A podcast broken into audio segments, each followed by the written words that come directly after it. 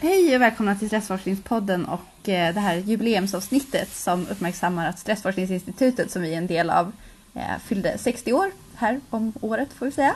Eh, och i det här avsnittet så har vi gått tillbaka och gjort en historisk tillbakablick som du ska få berätta Mats vad den, eller hur den gick till. Vi tyckte att man kunde få en bra bild av Stressforskningsinstitutets historia och också av stressforskningen i Sverige, hur den har vuxit fram genom att intervjua alla sex föreståndarna som har varit aktiva vid institutet. Från början Lennart Levi som startade Institutet för psykosocial medicin som låg vid KI men som var en självständig forskningsenhet och faktiskt en egen myndighet. Därefter Töres Theorell, Louise Nordenskjöld, Torbjörn Åkerstedt Hugo Westerlund och till sist Göran Käcklund som är aktiv som föreståndare idag. Ja, och eh, vi ska ju hoppa över, och, eller hoppa in i den början på den intervjun direkt nu, så jag säger bara varsågoda.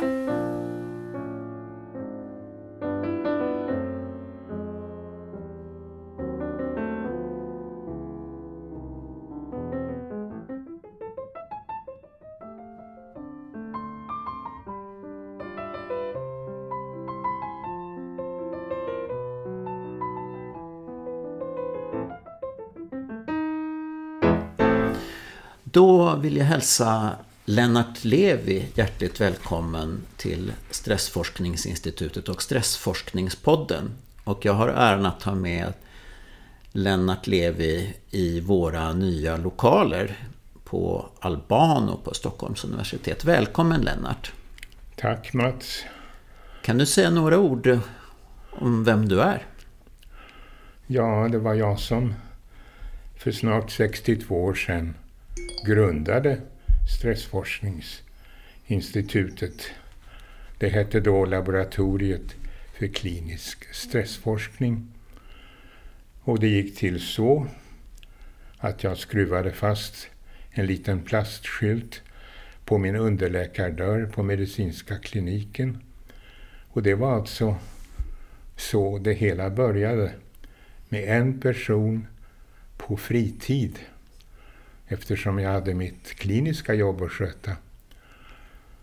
Men jag hade då drömmen om att den sociala miljön, vår hjärna och resten av vår kropp kommunicerade. Där det ena påverkade det andra som påverkade det tredje. Och att det inte gick att dra skiljelinjer mellan dem. De hängde ihop. Nå, det, jag hade den idén för att jag hade läst psykologi innan jag började läsa medicin. Det gjorde att jag var medveten om den sociala miljöns betydelse och de psykosociala faktorernas och att sådana faktiskt kunde påverka kroppsfunktioner. Det lyckades vi visa ett par år senare genom att visa upprörande filmer till medicinekandidater. Och det visade sig så att en lång rad kroppsfunktioner påverkades. Biokemin påverkades på ett sätt som ingen hade trott var möjligt. Många av oss tycker att Eh, det är nästan självklart att det finns sådana samband nu. Men det var långt ifrån självklart när du bestämde dig för att starta forskning kring detta. Själva beslutet kom 1959. Det var då jag fick mitt första jobb på Karolinska sjukhuset på medicinkliniken, invärtesmedicin. Och då såg jag mig omkring och såg att man behandlade en aspekt i taget.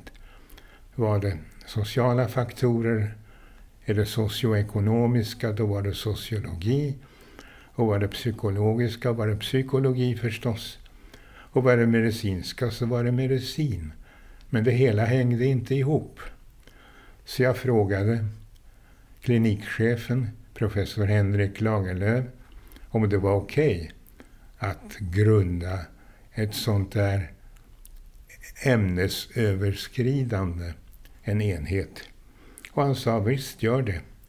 Jag frågade samma fråga till professorn i psykiatri, Börje Kronholm, och även han uppmuntrade mig att göra det. Innan dess hade jag träffat professor Nanna Svarts som före Lagerlöf var eh, klinikchef. Jag minns samtalet med henne.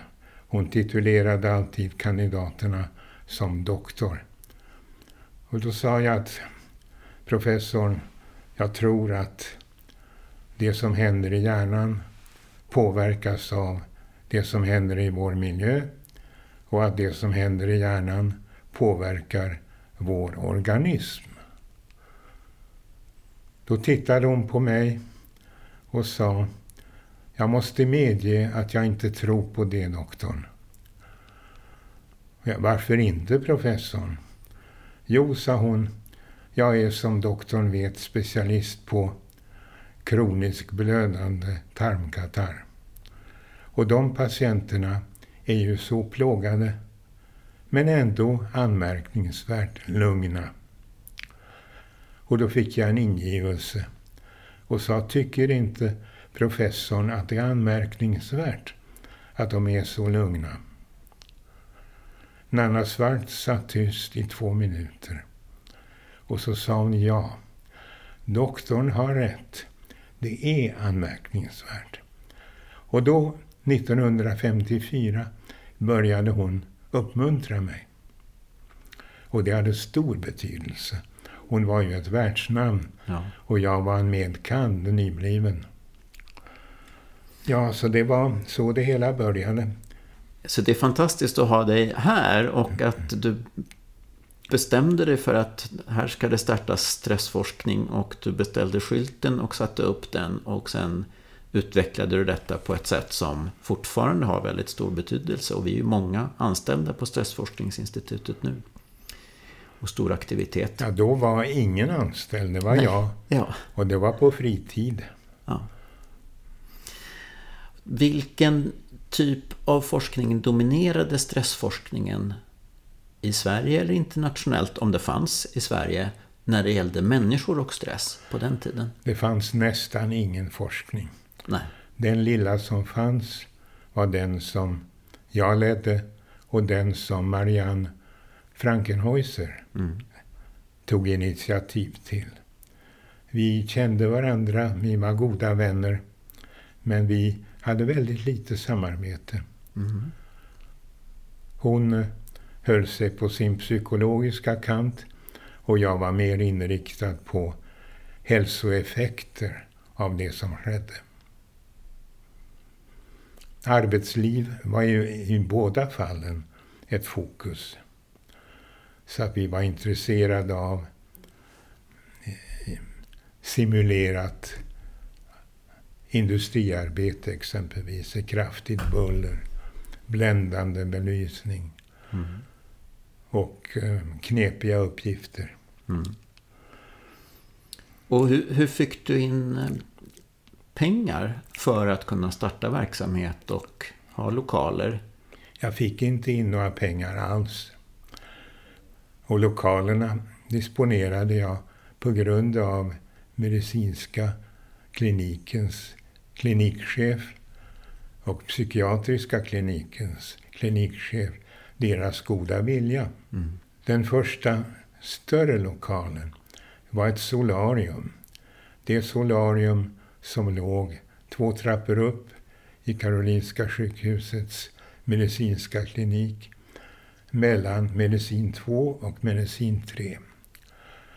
Det var ett ganska stort inglasat eh, rum kanske 10 meter, 12 meter långt och 3 meter brett. Och det hade vi som Tor, kontorslandskap. Ja. Eh, att vi fick det berodde på att det var väldigt lite utnyttjat. Ja. Rökarna brukade gå dit för att dra sina cigarettblås. Henrik Lagerlöf var lidelsefull anti-nikotin. Mm. Så att han uppnådde två saker genom att ge mig de utrymmena. Det ena var att jag hade någonstans att ta vägen med min personal som då hade blivit lite större. Och det andra var att han hindrade rökarna från att röka där. Men sen hände någonting.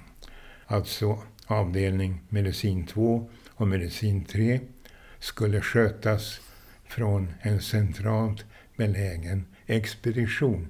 Och det var just det här solariet. Och jag var desperat. Vi var en dussin personer, vart skulle vi ta vägen? Så jag gav mig ut. Och då hittade jag en potatisåker på 1500 kvadratmeter. Så jag frågade vem som förfogade över den. Och det var SJs Stockholmschef som hade det som tjänstebostad, den lokal som låg där. Så jag frågade honom hur angelägen han var om, om sin potatisåker. Och han sa, du får gärna arrendera den. Jag frågade för hur mycket då? Han sa 9 kronor per kvadratmeter och år. Jag sa, så mycket pengar har jag inte. Okej, okay, sa han, vi säger två kronor per kvadratmeter och år.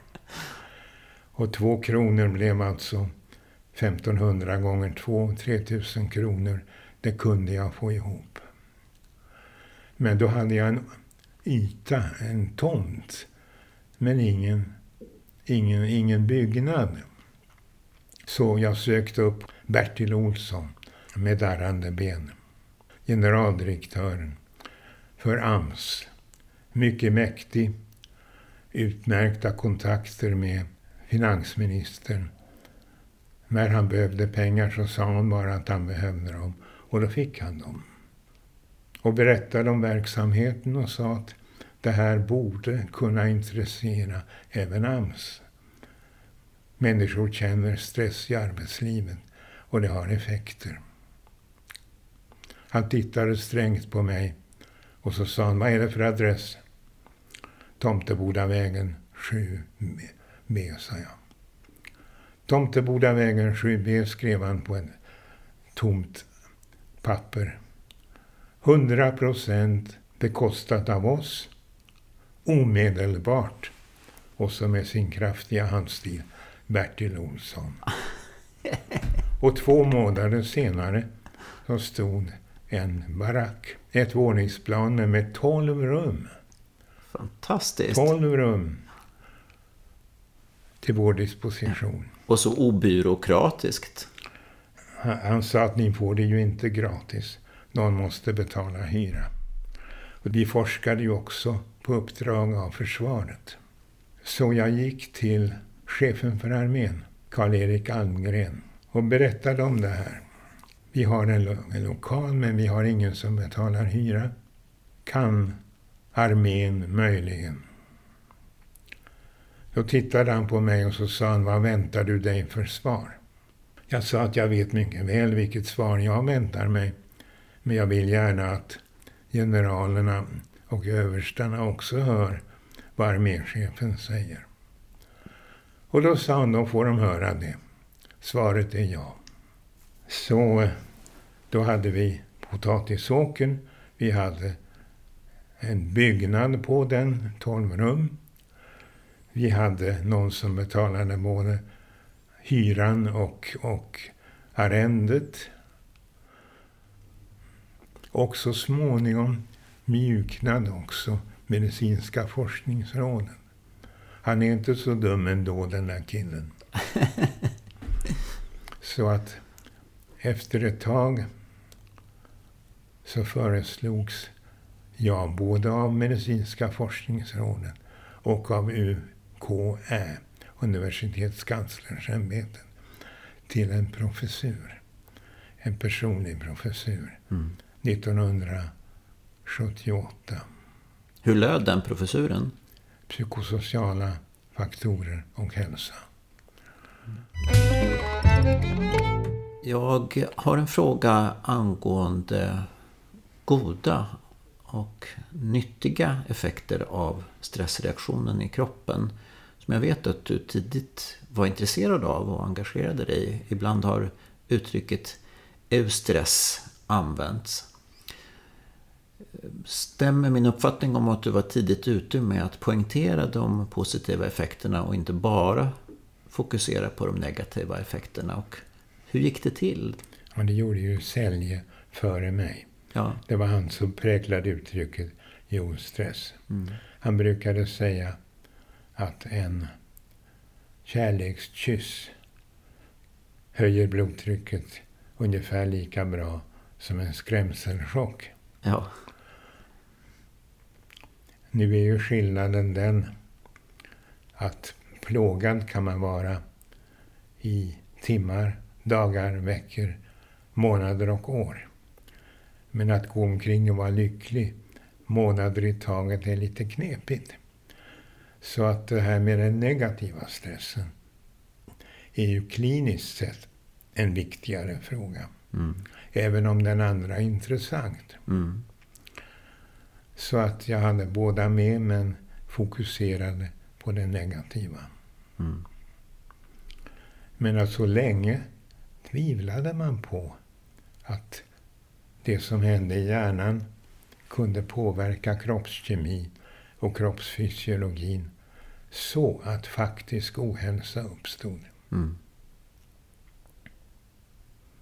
På det sättet har det hänt väldigt mycket under oh, de gångna åren. Mycket, de här 60 och de plus här, åren. De här fem veckolånga symposierna som alltså resulterade i fem volymer. Mm. Utgivna av, ja med mig som redaktör och med Oxford University Press som förläggare. Mm. Spelade ju stor roll. Jag förstår det. Och att där spelade också roll att Trygg Hansa ställde upp med ungefär en miljon kronor. Vilket på den tiden var fantastiskt mycket pengar. För att bekosta de där fem symposierna. Mm. Det gjorde de. Mm. Då skulle jag vilja tacka dig. Stort tack Lennart Levi för att du ville medverka i Stressforskningspodden. Det var bara roligt.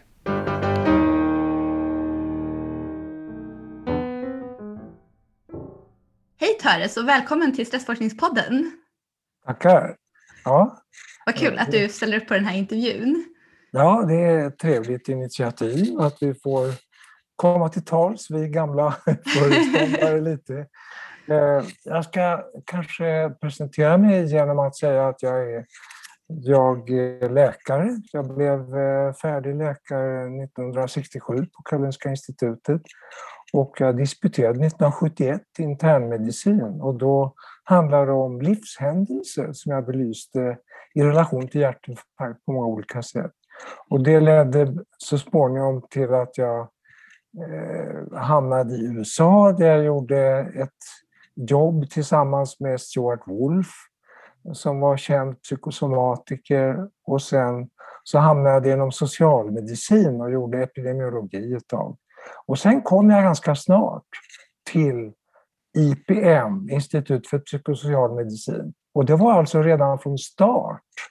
Eh, så jag var där hösten 1980 redan.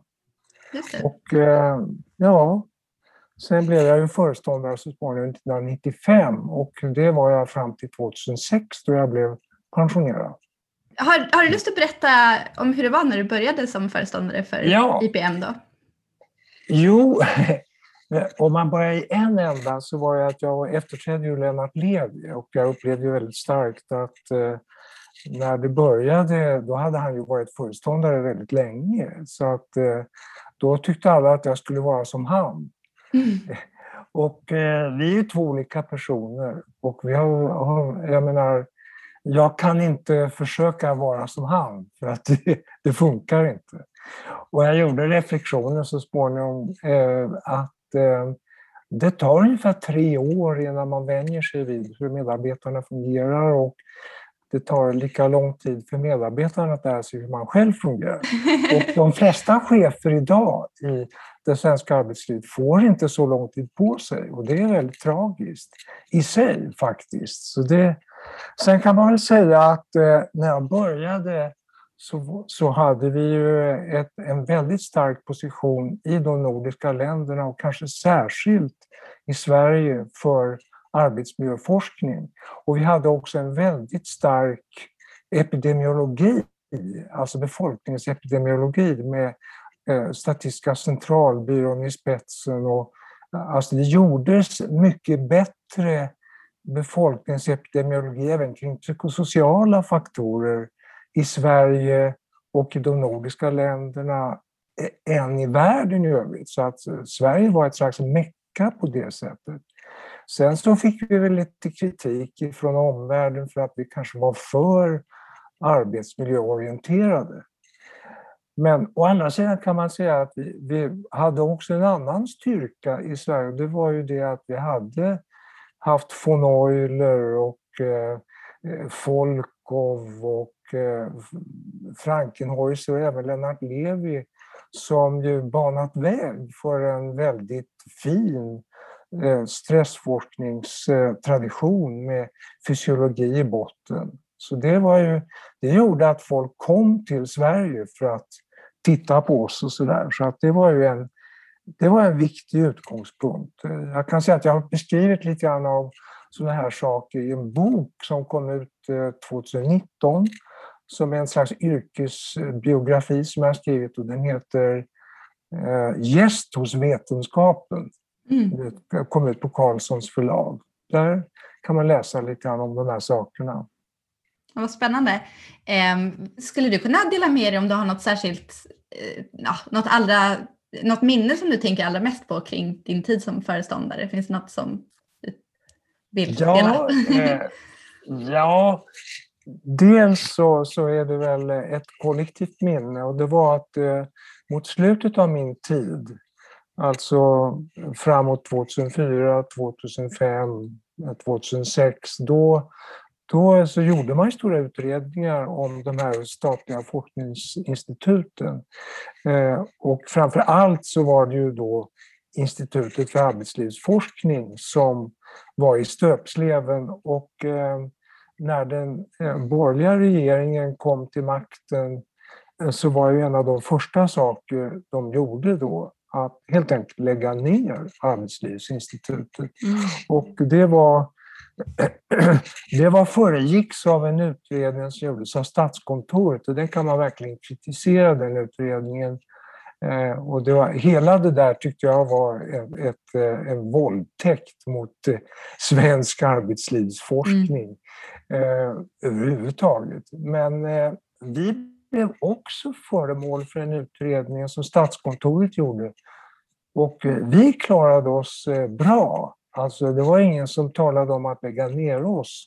Däremot blev det ju så när jag slutade att man flyttade in oss i Stockholms universitet och vi bytte plats och även namn. Men eh, det var ingen som ifrågasatte vår existens och man tyckte att vi gjorde ett bra jobb. Så det var ju, tyckte jag, något som jag upplevde som väldigt positivt förstås. Ett annat personligt minne som jag har det är att eh, den här kravkontrollmodellen som vi höll på med så mycket, den eh, fick jag presentera vid en eh, väldigt stor kongress i Sydney. Eh, och att jag pratade i Sydneys operahus. De har två stora scener där. Det ena är en konsertlokal med 3000 åhörarplatser ungefär och en mindre operascen. Men det här var alltså på konsert konsertscenen som jag fick prata. Och det var ju en mäktig känsla att prata för 3000 människor om det där förstås. Jag tänkte fråga dig en annan sak här som jag vet att du brinner lite extra för och det är det här med kulturen som ju har en viktig plats både i Stressforskningspodden men också i, i Stressforskningsinstitutets historia. Du vill ja. berätta lite om, om det? Ja, just det. Jo, det där hade jag en klockarkärlek till. Jag växte upp med en musikfamilj och eh, eh, jag var dessutom gift eh, då i början med en konstvetare som var intendent på Kulturhuset och så där. Så att jag hade, eh, jag hade en slags nästan schizofren känsla av att jag måste försöka förena min pappas naturvetenskap med allt det här konstnärliga. Och eh, därför så startade vi eh, vi hade dessutom en forskningslinje i psykosomatiken som handlade om känslobearbetning. Och viktigt i det arbetet var Kristoffer Konarski också. Så att vi började med ett stort projekt som eh, faktiskt startade på Kulturhuset där vi eh, eh, forskade kring eh, hur man kunde använda eh, konstnärliga aktiviteter i rehabilitering av Eh, eh, tillstånd som var psykosomatiska och ledde till väldigt långvariga sjukskrivningar. Det var så det började. Och eh, sen så blev det så småningom fler och fler projekt. Jag handledde ju flera avhandlingar som handlade om sådana saker. Men det var hela tiden mycket svårare att få pengar för sån forskning. Det var, eh, jag fick ju pengar för all möjlig annan forskning, men just det där var väldigt svårt. Vi fick eh, småsummor här och där och, och vi fick eh, eh trolla med knäna med, med sånt som egentligen var lite avsett till andra saker och sådär. Så att vi, men nu idag så har ju situationen ändrats. Nu har faktiskt eh, kulturen börjat bli accepterad även inom stressforskningen och det tycker jag är väldigt spännande. Bland annat så är det så att en av mina före detta doktorander, eh, Eva Boyner Horvitz, hon är nu professor på Musikhögskolan i musik och hälsa och det är ju så att vi fortfarande har en del samarbete och sådär. Och eh, jag tycker att det är nu som, nu börjar det ta fart på allvar, det här området. Just det, och det är ju jättespännande. Ja. Mm. Tack så mycket Tares. Jag tror att det var allting som vi ville fråga den här gången. Eh, så ja. Jättestort tack för att du ville vara med i podden. Hej Louise! Kan du presentera dig själv för lyssnarna? Jag heter Louise Nordenskjöld och ehm, är med i det här, förmodar jag, därför att jag var eh, föreståndare på IPM och ehm, kom sen med då när Stressforskningsinstitutet gick över i, till Stockholms universitet. Och då var jag ansvarig för den, vad ska vi kalla för, integreringen som skedde. Vi hade ju varit tidigare en egen myndighet och blev nu en del av Stockholms universitet. Numera är jag pensionär sedan ungefär åtta år tillbaka från Stressforskningsinstitutet där jag avslutade mina arbetande dagar. Ja. Och du var generaldirektör innan? Det var jag. Jag, har varit, ehm, jag var den första barnombudsmannen i Sverige. Och det var så som Törres och jag träffades från början. Han var ju då chef för IPM. Men man hade, han hade fått lite signaler från socialdepartementet dit vi båda hörde då som myndighetschefer att administrationen på IPM var väl lite si och så. Och det är ju inte forskare så roade av att hålla på med.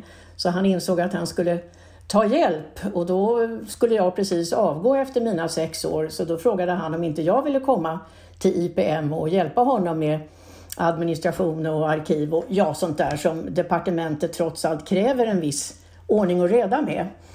Och då tyckte jag att ja, varför inte? I avvaktan på någonting annat och där blev jag kvar. Ja, det var ett utmärkt drag tycker jag av Töres.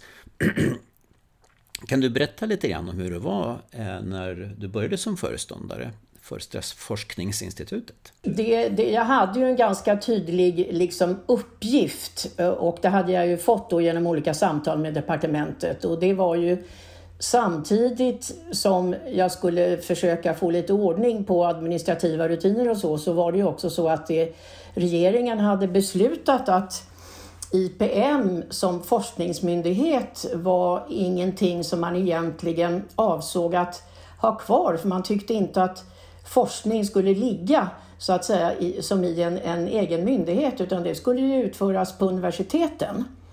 Eh, men det här hade ju en tradition sedan Lennart Levi som hade så att säga utverkat att stressforskning då i Institutet för psykosocial medicin som det hette på den tiden, att det blev en egen myndighet. Men sen gjorde man en översyn och sa att nej, det är inte lämpligt. Och eh, då hade vi väl inte så mycket annat att välja på. Och Det var ju KI eller SU. Så den processen var ju med mig lite från början. Ehm, Faktiskt. Och sen fick vi ju då ett tydligt uppdrag och då skulle ju Töres i det sammanhanget avgå och då blev jag föreståndare med detta i ryggen att jag skulle se till att infarten till SU, som det så småningom blev, gick så smärtfritt som möjligt. Ja, ofta har man ju en forskare som föreståndare och som då, som du antyder, inte är lika bra eller särskilt bra. De är inte roade på... om man ska vara helt ärlig. Och det är ju inte ja. deras gebit heller. Nej.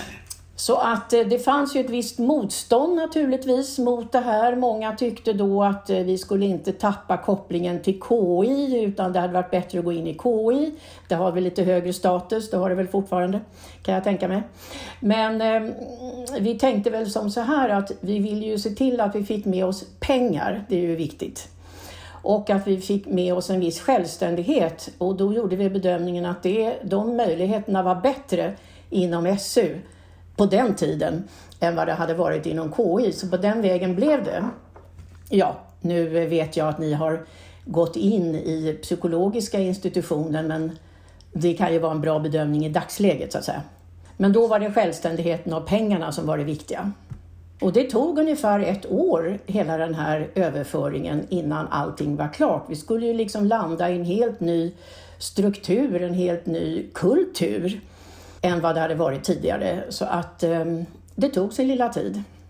Och har du något särskilt starkt minne eh, av den här föreståndartiden? Ja, den sista dagen som jag faktiskt var föreståndare, det är mitt starkaste minne. För då hade vi ju en invigningsceremoni på eh, universitetet då i våra nya lokaler.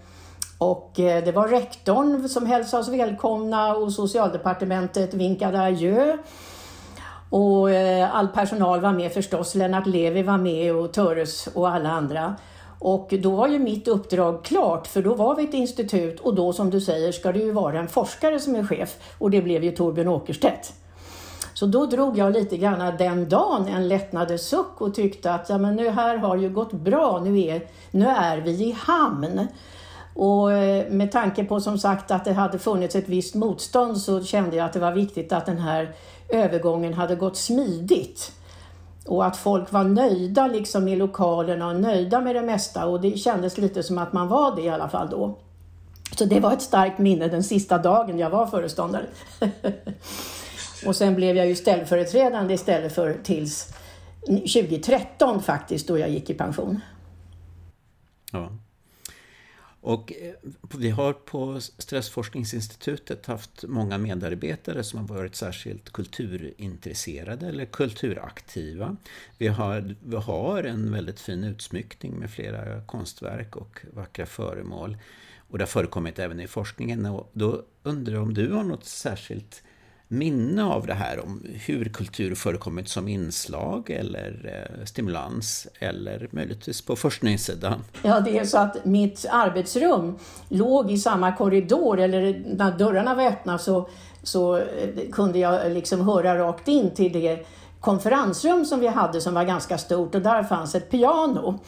Och då eh, blev det väldigt påtagligt eh, när Töres hade lite olika projekt med sång och musik, hur det skulle kunna då eh, vara en del utav behandlingen av stressade musiker, bland annat orkestrar. Därför att då satt han där inne och sjöng och spelade och han hade ju en väldigt speciell röst, eller har ska vi väl säga, en ganska speciell röst. Så det kunde jag då höra vissa dagar med visst nöje, absolut, det ska jag säga. Alltså, det var väldigt påtagligt. Den kultur, eh, det vill säga musikens del i stressforskningen. Just det, den har alltid haft en, en stark del där även som, som stimulans som sagt. Men eh, Louise, då tackar dig så mycket för att du ville vara med i Stressforskningspodden. Tack själv. Då säger vi välkommen till Torbjörn Åkerstedt, professor på Stockholms universitet och Karolinska institutet. Välkommen! Tack för det! Du har ju varit föreståndare för Stressforskningsinstitutet under en period och varit aktiv länge där. Har du några särskilda minnen från när du började som föreståndare vid Stressforskningsinstitutet? Ja, framförallt så var det ju övergången ifrån att vara en enskild myndighet och kopplat till KI till eh, Stockholms universitet. Och det berodde på att eh, regeringen, regeringen hade eh, bestämt sig för att göra sig av med små myndigheter. Eh, vi sorterade under Socialdepartementet eh, och eh, eh, då skulle vi föras in i, i KI och det började vi med stor entusiasm att göra. Men det visade sig då att ekonomin fick problem. Det var ju nämligen så att de pengar som vi hade från Socialdepartementet de skulle sedan gå in i KI. Sen skulle KI hantera dem som de brukar, det vill säga vi skulle i princip förlora våra pengar med en tredjedel per år. Eh, vilket innebar naturligtvis en, en automatisk nedläggning, för vi hade ju ett mandat att eh, vara en kunskapsbank och eh, ja, informationsstöd till Socialdepartementet och naturligtvis en forskningsmyndighet. Eh, och det här var inga saker man kunde göra liksom på eh, tillfälligt införskaffade forskningsmedel, i varje fall inte det mesta av det. Så att eh, jag försökte ju prata med både rektor och Forskningsstyrelsen, men ja, man vill inte ha en bubbla som de kallar det för inom KI. Så då var jag tvungen att fråga på, hos universitetet, hos Kåre, Rumar, Kåre Bremer, förlåt, som var rektor då. Och de ville gärna ha oss och ja, på den vägen är det. De var väldigt trevliga och vänliga och eh, släppte in oss utan att beröva oss allt för mycket av de resurser vi hade från Socialdepartementet. Så det var en väldigt dramatisk tid med rätt mycket irritation hit och dit kan man säga. Men det gick som sagt väldigt bra och eh, de var ju snälla mot oss på universitetet eh, Rektorn rektor var väldigt positiv till att vi kom dit. Så det var ganska roligt. Vi fick möjlighet att bygga upp en ny verksamhet och spetsa till den lite grann. Och det var kanske det som var det mest intressanta, att vi fick möjlighet att vässa verksamheten rätt ordentligt. Hur, hur då? Varför fick Ja, alltså det handlade om att eh, verksamheten hade liksom, eh, ska vi säga, tappat forskningskraften lost its cutting edge, så att säga. Eh, så att vi var tvungna att eh, slipa till den där cutting edgen igen genom eh, olika sätt att eh, hantera personal på och försöka spara pengar och rekrytera eh, nya eh, tuffa forskare. Ehm, det här var ju en ny situation. Alltså vi hade ju helt och hållet tidigare levt i en trygg miljö. Men nu började miljön bli, inte otrygg direkt, men i varje fall lite mindre trygg än tidigare och då är det liksom forskningsresultaten som spelar roll. Så att det var en väldigt intressant tid de här första åren när man skulle försöka knåda om det här till någonting som hade forskningspotential och att konkurrera med, med andra liknande inrättningar.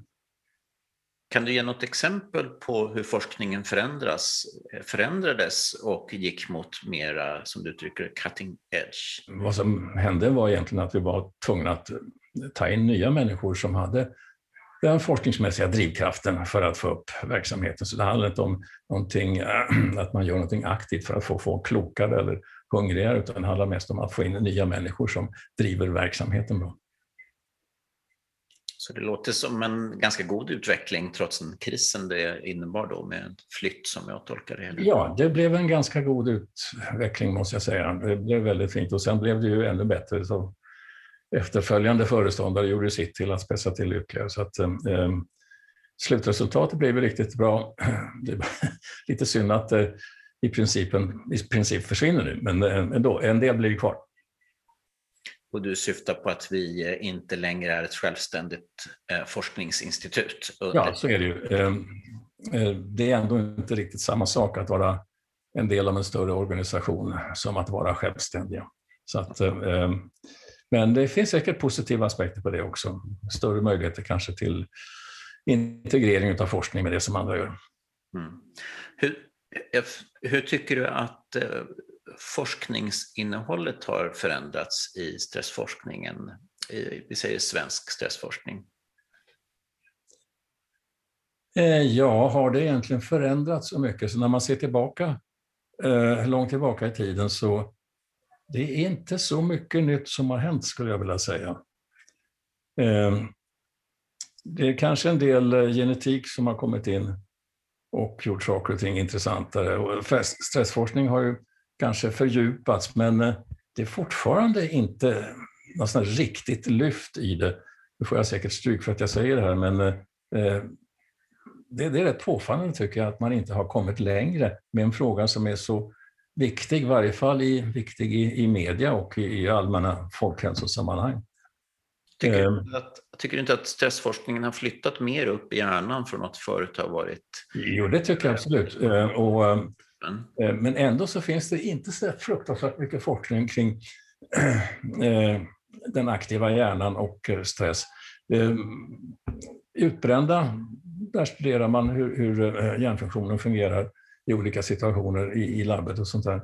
Men, och vi har hela den här historien med forskning kring endokrina parametrar som i stor utsträckning inte har givit så mycket. Jag har själv sysslat mycket med katekolaminer och kortisol och när man ser tillbaka så tycker man att det är fortfarande inte så man kan använda sig av adrenalin eller noradrenalin eller kortisol som en indikator på stress. Det är korrelerat med stress, men det är eh, variabler som eh, inte riktigt står på sina egna ben som stressindikatorer och inte hjärtfrekvens eller blodtryck eller någonting annat.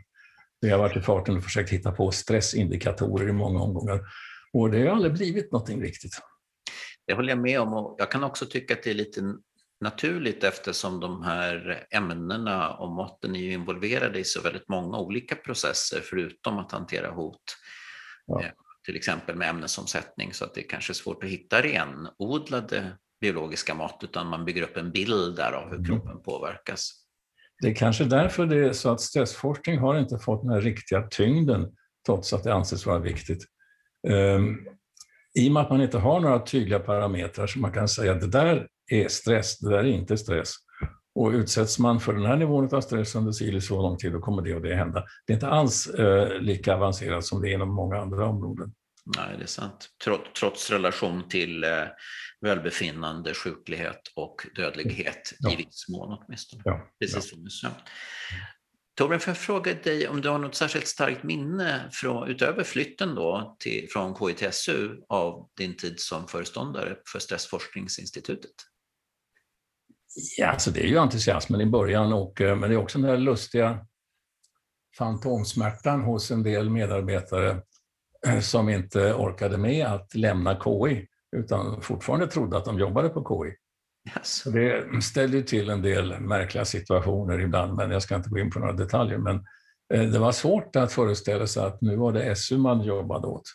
Vi försökte på många sätt inskärpa detta, eh, men eh, det var inte helt lätt. En gång KI, alltid KI. Ja, spännande. Och det är också så att stressforskning har ju en stark anknytning till eh, medicinsk verksamhet och medicin medan en motsvarighet på psykologi och beteendesidan är ju snarare emotionsforskningen. Starkare tradition som berör eh, i psykologin men som också berör eh, stressbegreppet såklart. Jo, nej, men så är det ju absolut. Jag har också en fråga om kultur då som är förväntat i Stressforskningspodden som är en kulturell forskningspodd om stress och hälsa. Och det är om du har några särskilda minnen av hur kultur förekommit här eller eh, varit integrerat i verksamheten på något sätt? Jag måste ju säga att eh, jag kan inte riktigt påstå att det förekommit i någon större utsträckning annat än som eh, sång och musik vid högtidliga tillfällen i samband med Lucia och liknande tillställningar. Där har det förekommit en hel del och varit väldigt många duktiga musiker som har jobbat med de här stressfrågorna, måste jag säga. Eh, jag vet inte om det finns något samband man kan jämföra med andra inrättningar, men jag tyckte det var påfallande mycket sång och eh, glädje över musik. Eh, men inte så att det genomsyrade det dagliga arbetet kan man väl säga. Det, det tycker jag inte man kan säga nej. Nej. Jag eh, lägger till ett eget minne från när du visade Jaha. mig i Stressforskningsinstitutet och eh, stolt, med rätta ska jag säga, visade mosaiken i trappen, den vackra trappen. Ja. Vem gjorde den? Det var ju exet som gjorde den. Va? Och eh, det var ju före Stressforskningsinstitutets tid. Så det var ju dukat bord så att säga. Ja. Det var inte vi som hade fört in den. Lika fullt en källa till njutning för Ja. mig som har gått i den där Ja. trappen nu dagligdags Ja. nästan i över tio år. Och du. Ja. Ja, ja men visst. Men då tackar jag så väldigt mycket Torbjörn Åkerstedt. Tack för din tid. Ja, tack själv. Det var roligt att få prata gamla minnen.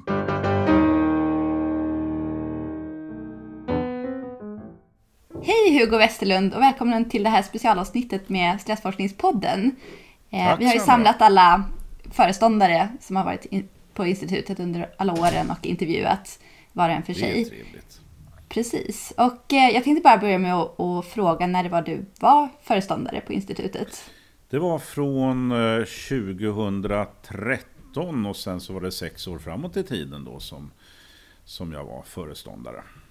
Just det. Och skulle, vi, skulle du vilja berätta lite om hur det var när du började som föreståndare på Stressforskning? Ja, det var ganska enkelt. Jag tog ju över institutet från Torbjörn Åkerstedt och det var väldigt välskött institut med många engagerade forskare och många eh, fungerande projekt och så vidare. Så att det var på många sätt väldigt väl förberett. Sen så var det en del förändringar på gång. Vi hade en del förändringar i administrationen. Vi eh, arbetade med att komma in mer i undervisningen, särskilt med doktorandutbildningen och så. Så att det var en del förändringar på gång. Men i det stora hela så var det väldigt väl förberett när jag kom in. Så att det, det var en enkel början kan man väl säga. Just det, och det utvecklades på det sättet också låter det som. Ja, sen, sen var det väl så då att när man var ny så har man ju mycket ambitioner och man vill, vill kanske förändra saker och sådär. Och, och i början så ägnar man kanske, sig kanske en del, förutom att lära sig då vad, vad det innebär att vara föreståndare, så ägnar man väl en del tid åt att ehm, eh, fundera över vart bör det här institutet gå? Vad är det vi behöver göra? Vad behöver vi fokusera på för att kunna utvecklas bra i framtiden? Det är ju en sak att det fungerar väl idag, men vi behöver ju också man behöver kunna se i framtiden och ha lite visioner. Verkligen. Eh, Skulle du vilja berätta vilka frågor som dominerade stressforskningen i Sverige och även internationellt då under den tiden som du var föreståndare? Och om det var några särskilda svagheter eller särskilda styrkor som du vill lyfta under den här tiden? Ja, ja alltså i, i Sverige så kan man väl säga att det, det fanns ju en allmän samhällsdebatt kring utbrändhetsfrågorna som fortfarande var väldigt, väldigt viktiga då. Och jag kom in i ett läge när sjukskrivningarna återigen var på väg upp. De hade varit nere på väldigt historiskt låga nivåer men de var på väg upp igen och det här var naturligtvis någonting oroande. Det var mycket i media om att stressen ökar och att det är väldigt besvärligt med det. Och det gjorde ju att stress var ett väldigt, ehm, väldigt aktuellt ämne men också att det fanns ett slags tryck ifrån eh, media, politiker, allmänhet och så vidare att man skulle fokusera på en viss typ av frågor. Eh, ser man det internationellt skulle jag snarare säga då att fältet höll på att bli lite mer moget. Det blev allt mer vetenskapligt, man, man hade mera eh, nyanserad förståelse av, om orsaker till stress, mekanismer, konsekvenser och också bättre metoder för att studera det. Ehm, och ja, styrkor och svagheter. Ja, man kan väl säga att i Sverige så har stressforskningen traditionellt sett varit väldigt stark. Vi har en lång tradition av framstående stressforskare, framstående arbetsmiljöforskare och så vidare. Vi har haft en ganska bra genomslag i samhällsdebatten och i arbetslivet och vi har också bra data genom att vi har mycket registerdata. Människor har, åtminstone förr så svarade de på enkäter och deltog i experiment och så vidare. Så att eh, det var väldigt mycket som var bra. Samtidigt så kan man också säga att det fanns en eh, ganska tydlig splittring mellan den mera eh, grundforskningsbetonade verksamheten eh, den kliniska verksamheten, de som håller på med preventionsarbete ute på arbetsplatserna och vad media talade om. Alltså det, det, de här olika områdena kommunicerade inte riktigt med varandra. Och det var väl också en ambition vi hade att vi skulle försöka föra över mera av den forskningsbaserade kunskapen till de andra områdena. Men hur väl vi har lyckats, det får väl andra döma om. ja, man kan ju säga att den här podden är ju lite en del i det också. Du var ju med när vi drog igång poddprojektet. Just för att, som du säger, försöka att sprida en bild som vi anser vara mer nyanserad kanske än vad som ofta förekommer i, i Ja, exakt. Det, det, var ju precis det som låg bakom det här att vi, vi på institutet vill sprida det. Så att det här är ju det kanske man kan säga då att det är ganska långa ledtider så saker som jag då hade som ambitioner att vi skulle göra när jag började bli föreståndare, det börjar bli verklighet nu efter att jag har trätt av. Och det är ju lite roligt att se att det, det ändå händer saker och det visar väl också att vi, vi har haft en del ganska gemensamma visioner på institutet också. Så att vi har metodiskt jobbat mot vissa mål och som sagt var den här podden är ju då en, ett viktigt led i att föra ut en mer forskningsbaserad, nyanserad kunskap. Verkligen. Eh, är det något speciellt minne från din tid som föreståndare som du skulle vilja dela med dig av? Och något som poppar upp sådär? Ja, alltså det... Mycket av vad man gör som föreståndare det är ganska så... Eh, ja, inte särskilt minnesvärd administration kan man väl säga. Mm. Så att det, det, är inte så där att det är några minnen som poppar upp. Utan egentligen, och det kanske beror på att jag deltar i den här podden nu, men det minnen som poppar upp, det var när vi hade en liten invig, inte invigning, men vi hade en liten ceremoni när jag hade blivit föreståndare. Och då var vi utanför det som kallas för fakultetsklubben. Det är ett fint hus på eh, universitetsområdet med en liten trädgård och ute i trädgården så samlades alla föreståndarna som hade varit på institutet sedan början med Lennart Levi då den första och jag var då den sista i raden. Eller den senaste ska vi säga. Och nu så kan vi då ett antal år senare göra samma sak igen. Och det tycker jag är fantastiskt roligt att vi kan samla en, en så lång historia av svensk stressforskning på det viset. Verkligen. Det tycker vi också är väldigt roligt. Ja. Eh, den här podden är ju, vi har ju i varje avsnitt haft någon kulturkoppling. Dels för att vi själva tycker att det är så intressant med kultur, men också för att kulturen ändå haft en väldigt eh, mm. framträdande roll på Stressforskningsinstitutet på en massa olika sätt. Eh, finns det något eh, kring kultur och stressforskning eller Stressforskningsinstitutet som du skulle vilja berätta om?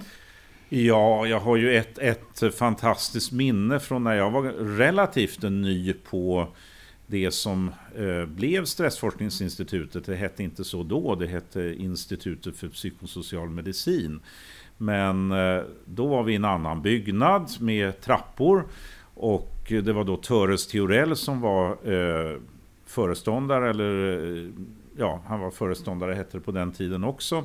Och då hade vi Lucia-tåg och då gick han först och spelade på sin fiol.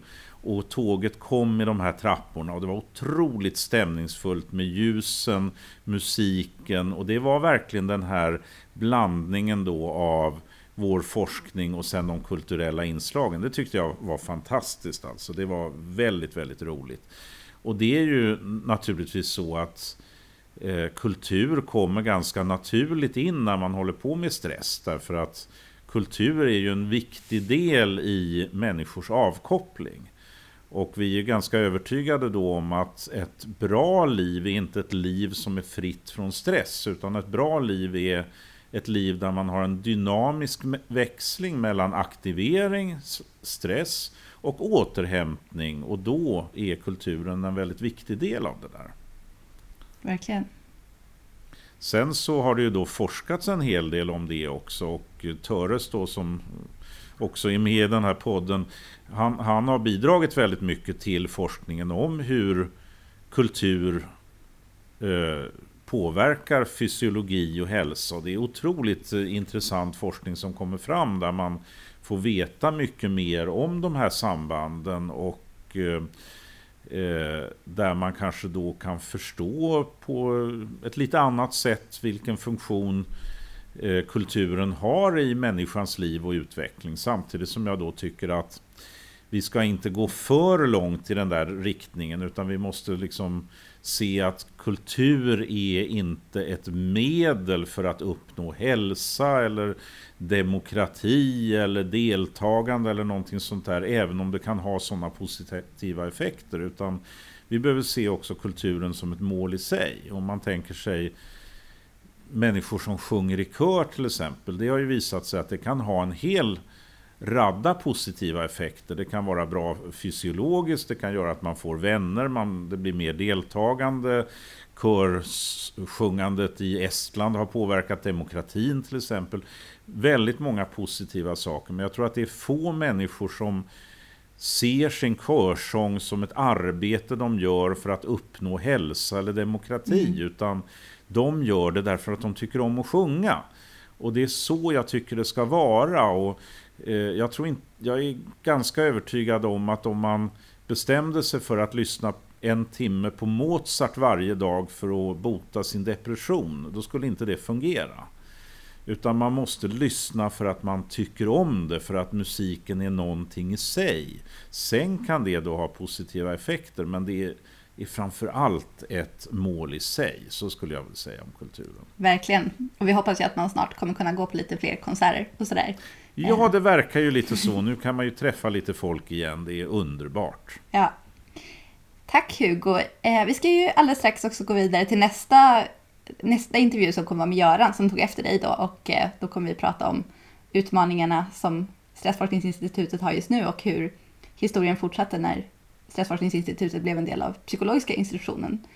Eh, så med det skulle jag vilja säga tack till dig. Jättekul att du var med. Tack så mycket, det var roligt att få vara med i podden och lycka till i framtiden. Hej och välkommen till Stressforskningspodden Göran. Tack så mycket. Så kul att du kunde vara med på den här intervjun. Jag tänkte börja med att fråga om du skulle kunna presentera dig för alla lyssnare. Du har ju redan varit med i ett tidigare poddavsnitt, men för de som inte, inte kommer ihåg, eller kanske inte har hört det. Det ska jag göra. Jag heter då Göran Käcklund och är eh, föreståndare sedan 2019, alltså sedan ungefär två år tillbaka vid Stressforskningsinstitutet. Jag har, är också professor med inriktning mot sömnforskning, så stress och sömn tycker jag är ett spännande område. Just det, och eh, vi har ju jobbat en hel del tillsammans tidigare.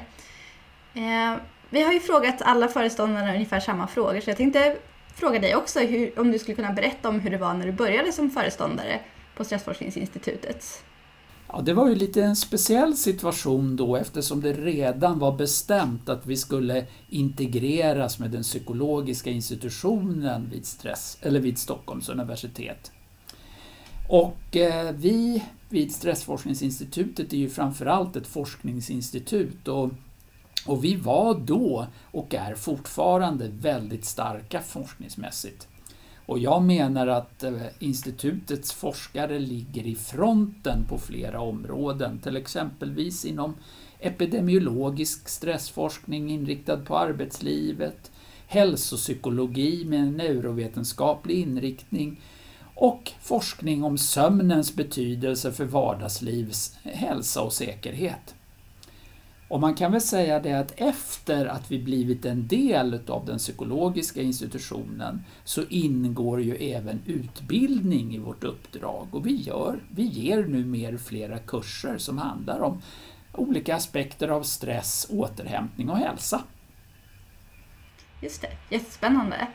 Eh, och eh, det här blir ju, eftersom det här är så nära i tid så, så är ju mycket av det som du säger, det gäller ju fortfarande Eh, vilket år var det som du blev föreståndare? Jag blev föreståndare 2019 på sommaren så att det är ganska snart två år sedan.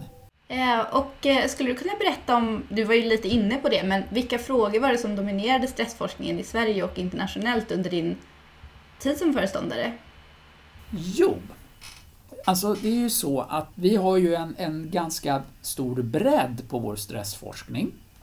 Och när det gäller den epidemiologiska stressforskningen där man till exempelvis kombinerar då frågeformulärsdata, det kan ju vara upplevelse utav stress med registerdata på till exempelvis sjukskrivning eller någon sjukdomsdiagnos så är ju Sverige världsledande.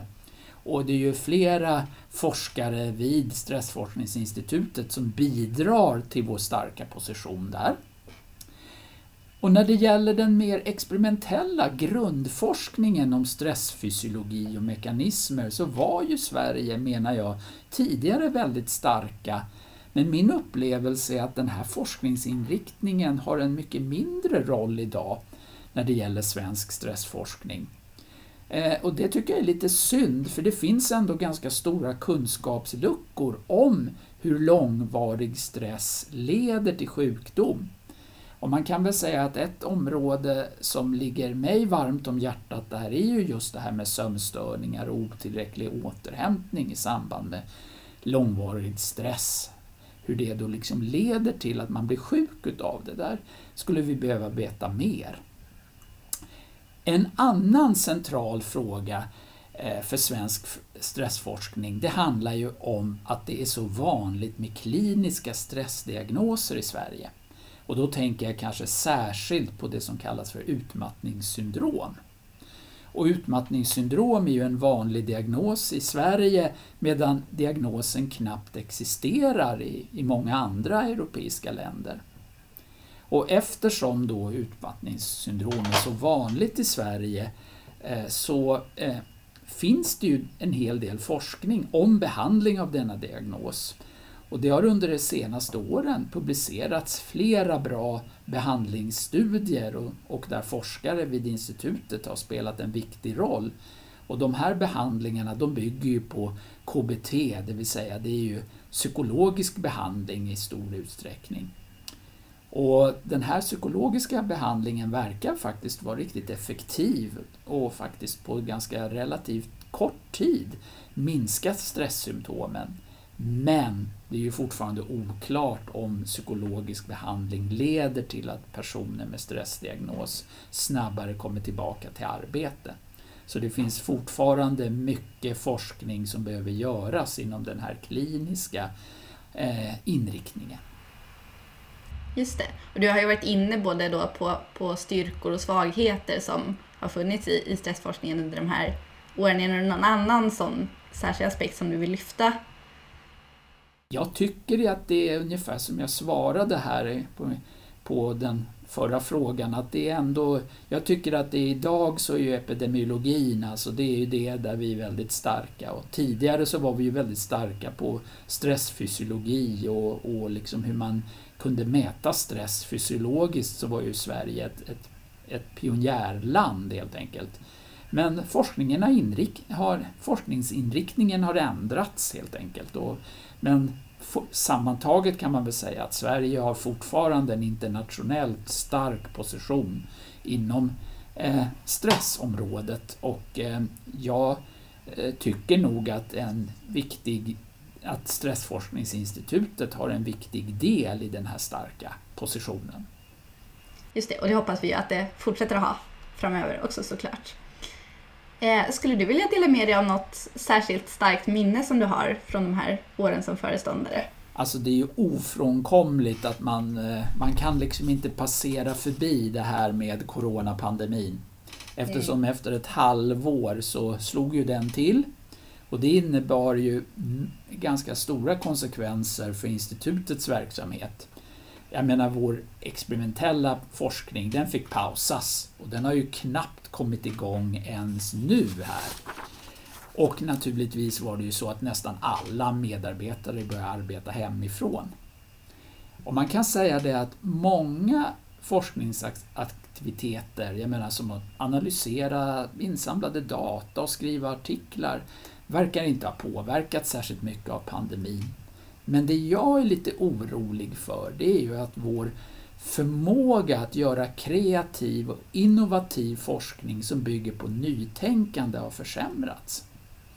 Mm. Och orsaken är helt enkelt att det är svårt att organisera kreativa möten på Zoom. Alltså. Och jag tror ju att de riktigt bra och innovativa forskningsidéerna de uppkommer ofta vid spontana möten när man dricker en kopp kaffe eller äter lunch med en kollega. Så det faktiskt har varit någonting som jag har funderat mycket på. Samtidigt kan man nog vara ganska säker på att Stressforskningsinstitutet forskare kommer säkert att utvärdera hur pandemin har påverkat stressen i samhället och hälsan på lång sikt. Och jag är ganska säker också på att institutets forskare kommer att vara Eh, inblandade i den forskning som håller på att initieras nu som handlar om post-covid-symptom som ju någonting som drabbar en ganska stor grupp som har haft denna sjukdom. Då.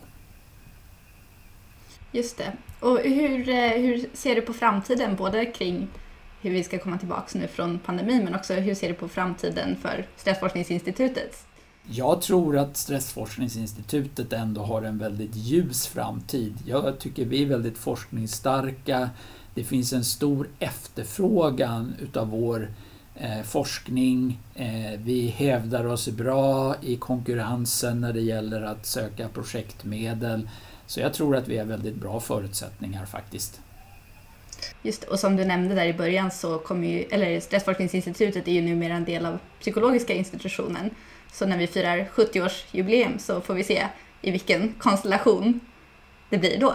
Absolut, och man, jag tycker man ser att, eh, att just den här eh, kopplingen till psykologiska institutionen gör ju att vi kanske kommer att få ännu mer bredd eh, på vår stressforskning.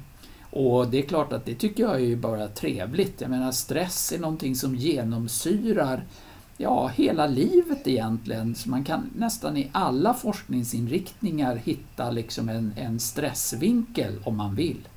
Vad fint Göran! Jag skulle vilja tacka dig för att du ville vara med i podden och eh, säger tack för den här intervjun helt enkelt.